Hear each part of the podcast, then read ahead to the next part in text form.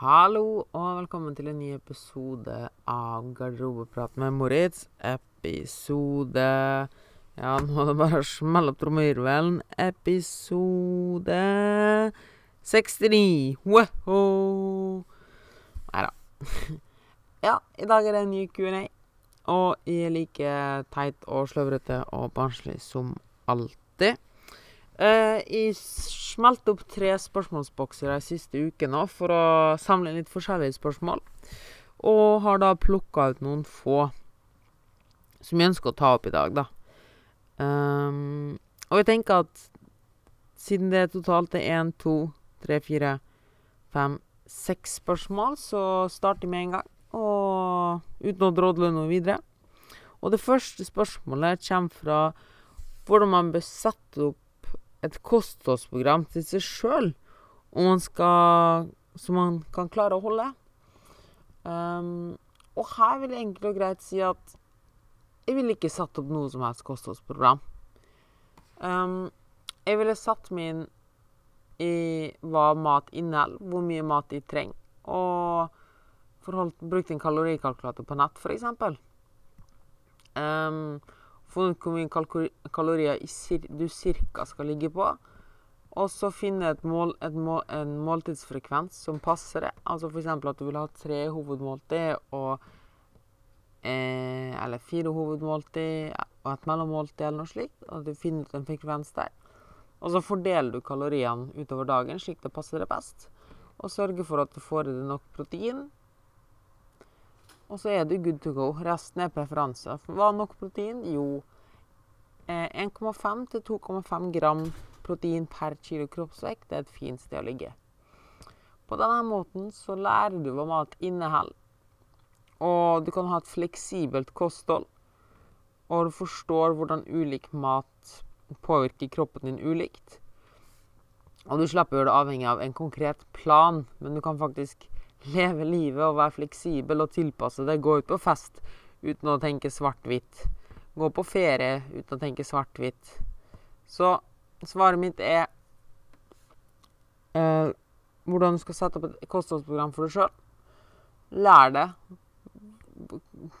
Lær deg å telle kalorier, rett og slett, og finne en måltidsfrekvent som passer deg. Du må ikke telle kalorier resten for livet, men det vil være en god start, tenker jeg. En mye bedre start enn å prøve å sette seg opp en egen kostplan.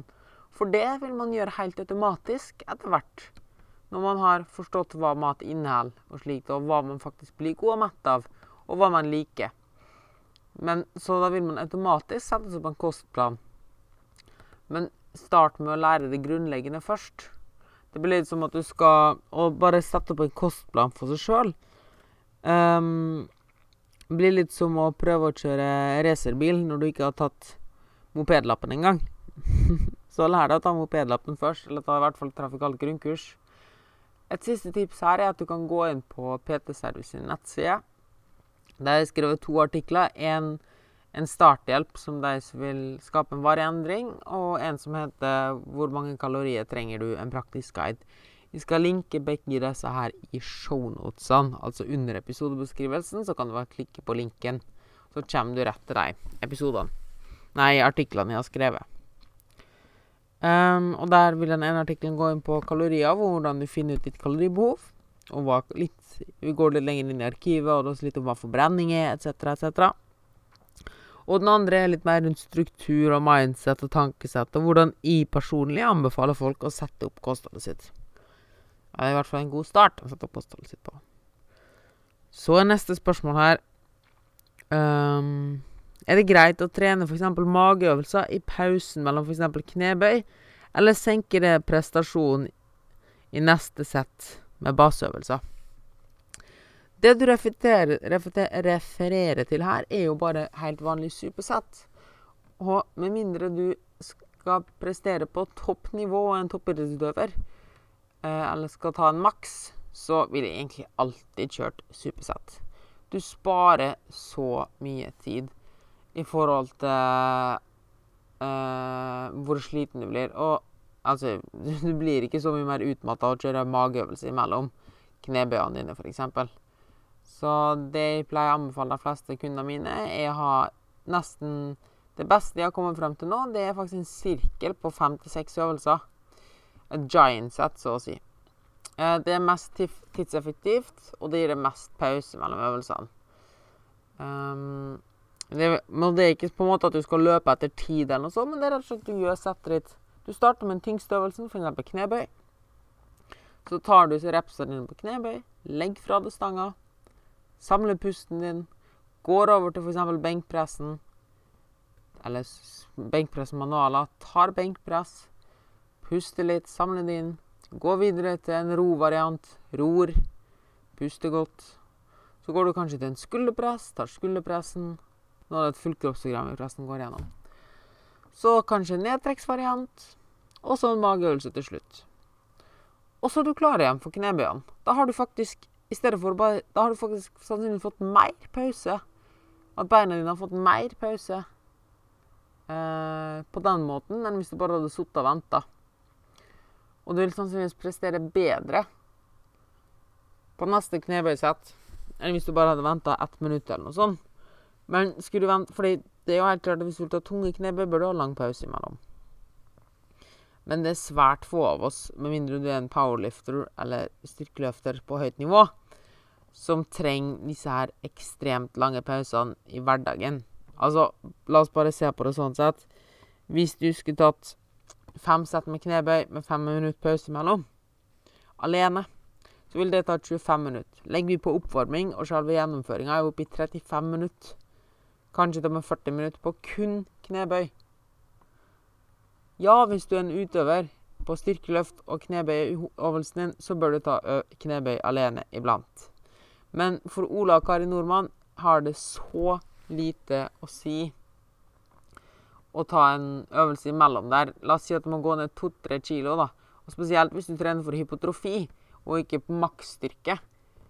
Uh, så vil det i hvert fall ha mindre å si. Så jeg vil si at ja, du kan absolutt, og jeg vil faktisk på det sterkeste anbefale at du tar øvelser mellom baseøvelsene. Det som er viktig her, er bare at du passer på at, at disse mm, øvelsene ikke påvirker uh, baseøvelsen for mye. Jeg hadde f.eks. ikke tatt knebøy, og så ta leg extensions i pausen på knebøyen, altså beinstrekker. Fordi da blir du ganske sliten i låra. Eller jeg hadde ikke tatt markløft og så fortsatt med pullups og rygghev etterpå, for det går alt ganske mye på baksida. Etter en markløft hadde jeg kanskje kjørt en benkpress, da. Eller en skulderpress. Så det er litt greit å være obs på at det, hvilket øvelse man tar, har ganske mye å si. Um, og det vil jo helt klart lønne seg å kanskje ikke ta de aller mest tunge øvelsene. Legg merke til at i stad når vi sa knebøy, i den sirkelen vi gikk gjennom, så sa jeg benkpress med manualer.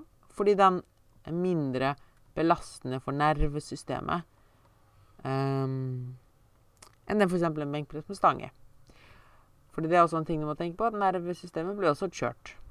Så bare det, hvordan kan du tenke på det der? Jo, alle øvelser som gjør at du føler litt sånn uh, det er tunge på nerve, det er øvelser som er tunge på nervesystemet. F.eks. en knebøy. Det er øvelser der du må ta det sammen ordentlig. Så det er kanskje ikke så lurt å ha så mange av dem etterfulgt av hverandre. Tommelfingerregelen er at en sånn sirkel eller supersett er at du gir prioriteten, altså den første øvelsen du gjør, og den du har mest, vi er mest pause til og mest oppvarming til, er baseøvelsen, eller hovedøvelsen du vil trene den økta. Det kan være pullups, knebøy, sånne ting. Men iallfall prioriteringsøvelsen din bør være øvelse nummer én. Um, fortsetter litt i styrkeløft eller treninga, styrketreninga, og det er det viktig med full range of motion i knebøy.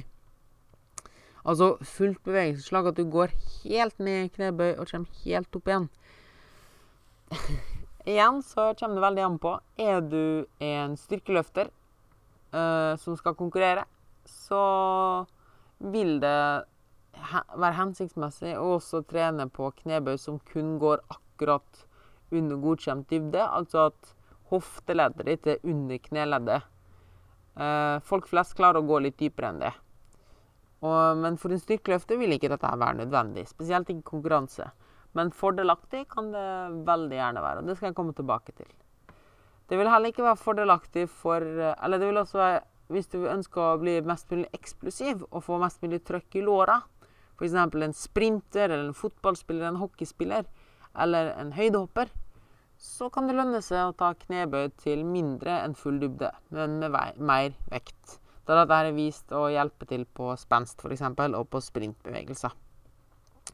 Men, for, men, hvis du ikke går rundt disse kategoriene, så vil jeg egentlig alltid anbefale folk å gå fullt ned i en knebøy, med mindre de har noen smerter. Gå ned i vekten, jobb det til en, full, til en full bevegelse, en full range of motion, og ta knebøy i full dybde. Hvorfor det? Jo, igjen, og hvorfor gjør jeg det med nesten alle klientene mine? Én, du får bedre bevegelighet ved å jobbe det ned i en dyp knebøy. Du får bedre ankelbevegelighet, du får mer bedre hoftebevegelighet, du får mer smøring på ledda i kne og hofte. Um, så du får bare rett og slett mer bevegelighet, og som vi vet, motion is lotion. Og ikke minst bevegelse under last. Det vil si at du kan Du blir vant til å også gjøre tunge bevegelser i uvante posisjoner. Så hvis du sitter på huk, da, eksempel, og en unge hopper på ryggen din, så klarer du kanskje fortsatt å reise deg, hvor du før kanskje bare hadde kollapsa til sida eller fått vondt i ryggen. Så det er én ting. Du blir mer robust og mer bevegelig. Nummer to er jo rett og slett at du får så sinnssykt mye mer igjen for en knebøy til full dybde. Jeg ser det så ofte at spesielt jenter tar en halv knebøy med masse, masse vekt. Og etterpå så tar de en haug med minibandsøvelser og ja-nei-øvelser med gummistrikk for utside rumpe, innside lår. Ja-nei-maskin er jo kjempepopulær. Eller spør hvilken øvelse er best for rumpa og alt dette her. Og så er det sånn En av de beste øvelsene du kan gjøre for innsiden av låra og for rumpa, det er knebøy i full bevegelsesdybde. Du får så mye mer igjen for den. Gå heller ned i vekter og ta knebøy i full dybde i stedet for å ta, være egoistisk.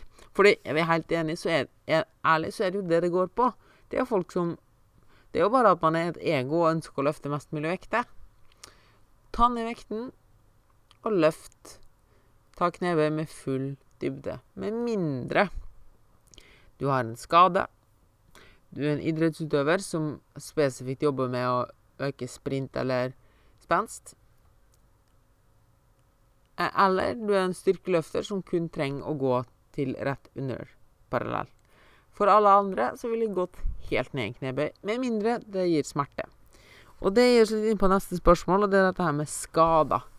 Nå fikk jeg et spørsmål angående kneskade, hvordan man skal rehabilitere fra den. Og uten å gå i Det blir veldig vanskelig å gå i dybden på dette i en podkast. Og jeg lurte veldig lenge på hvordan jeg skulle svare på dette spørsmålet. Og det jeg tenkte generelt, var egentlig bare å komme med en kjapp og fin oversikt over hvordan man bør rehabilitere etter en skade eller en senebetennelse eller noe slikt. Um, og det første jeg tenkte å si her, er at Og det her kommer til å åpne en ganske stor boks som jeg ikke kommer til å gå inn på i dag. Jeg kommer bare til å nevne den. Og det at at hvis du vil vite mer om det, så får du sende meg en mail kan, eller en melding eller kommentere, og så kan jeg svare mer på det. Men det at smerte henger ikke nødvendigvis sammen med strukturell skade. Det vil si at slitasje i kne betyr ikke at du har vondt i kneet. Og det at du har vondt i kneet, betyr ikke at du har slitasje i kneet. Det at du har vondt i ryggen, betyr ikke at du har en prolaps. Og det å ha en prolaps betyr ikke at du må ha vondt i ryggen. Faktisk er det så mye som 70-80% av befolkningen som har en eller annen skavank i skjelett eller ledd uten at det medfører smerte. Og det er derfor det kan være litt skummelt å ta MR og røntgen og slike ting. Fordi man ofte blir, ser en skade. For eksempel de har tatt MR av ryggen min, da, og har sett at jeg har en prolaps i en skive. Så hadde jeg blitt kjemperedd for ryggen min. Da. Den er kjempeskrøpelig. Men jeg har jo gått hele livet uten at det har vært noe problem. Så hvorfor skal det at de ser bilder av noe gi meg et problem? Men sånn er det bare menneskehjernen. Så det er det første du kan tenke på. At at en strukturell skade eller en skeivhet eller noe sånt sjeldent, eller ganske ofte ikke har noe å bety med selve skaden. Det meste ligger, av smerten ligger i hodet. Det betyr ikke at den ikke er reell, for det er faktisk vondt. Sult er også en følelse i hodet. Kjærlighetssorg er også bare en følelse i hodet. Men det gjør fryktelig vondt, og det er fryktelig reelt. Men ofte en feil veldig mange gjør da når det kommer til skade, er at de tenker at de må hvile. Og hva skjer når du hviler etter en skade? Eller hva er egentlig en skade? Jo, en skade er jo som regel eh, et brudd av the five finger rule. Eh, too much, too soon, too fast, too often, with too little rest. Så det har gjort noe, da, dette her. Eller så er det en akuttskade, men da er det bedre å ta det med legen. Men de fleste skadene er av denne sorten. At du gjør for mye, eller for hardt, gjør noe for hardt, eller at du rett og slett hviler for lite. Eller gjør ting for raskt. Og hvis du da gjør, har du brutt den regelen, og det begynner å gjøre vondt, så tenker du OK, nå må jeg hvile.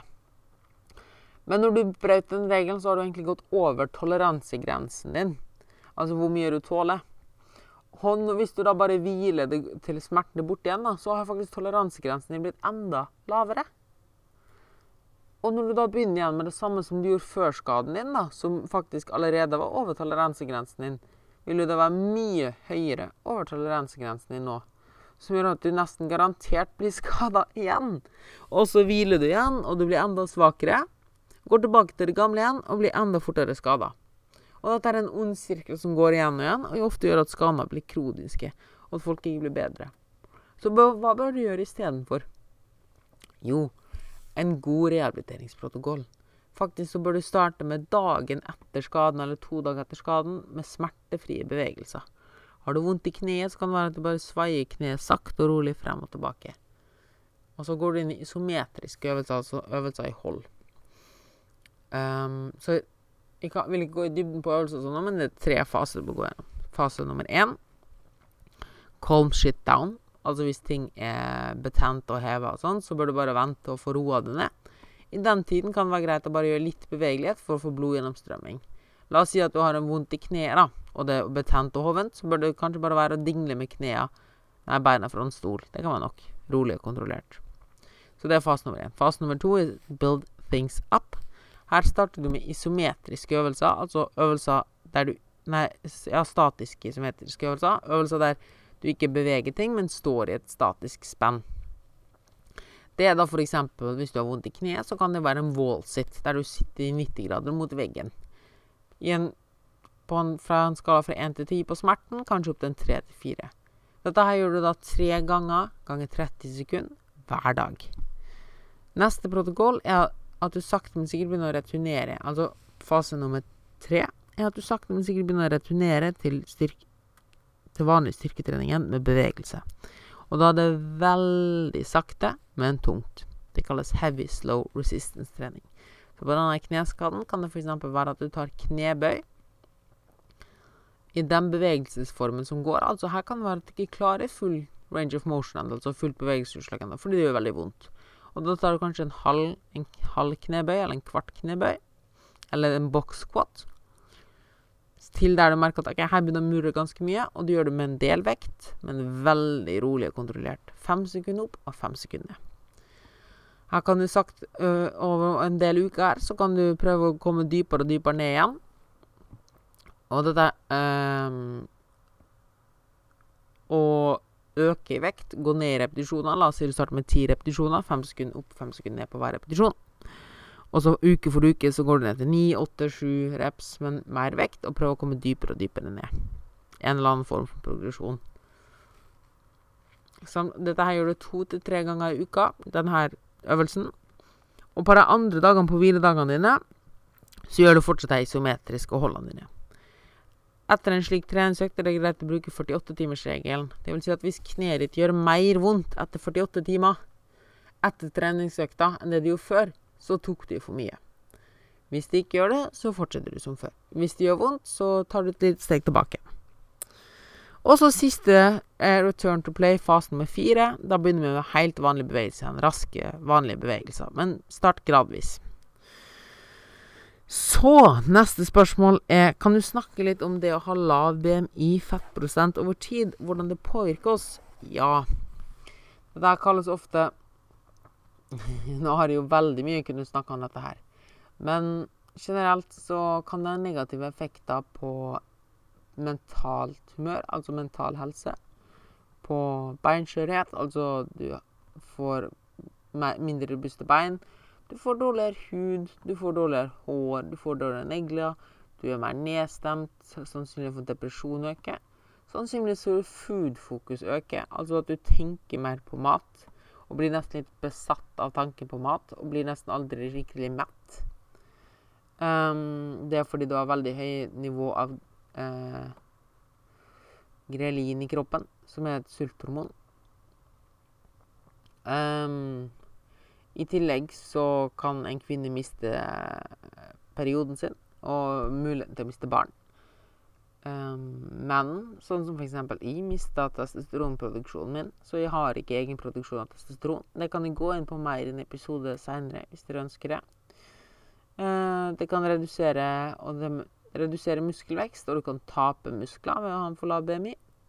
Så generelt så er det ikke særlig positivt å ha en veldig lav kroppsfett. Ha heller 2-3 mer kroppsfett og ha et bedre liv. Og en siste ting er altså du føler deg enormt slapp og sliten hele tiden. Du blir liksom aldri eh, Du blir aldri Du har aldri energi, da, ordentlig. Og du øker Ja, du har rett og slett en lavere toleran mindre toleransegrense. Så det er absolutt noe jeg ikke anbefaler.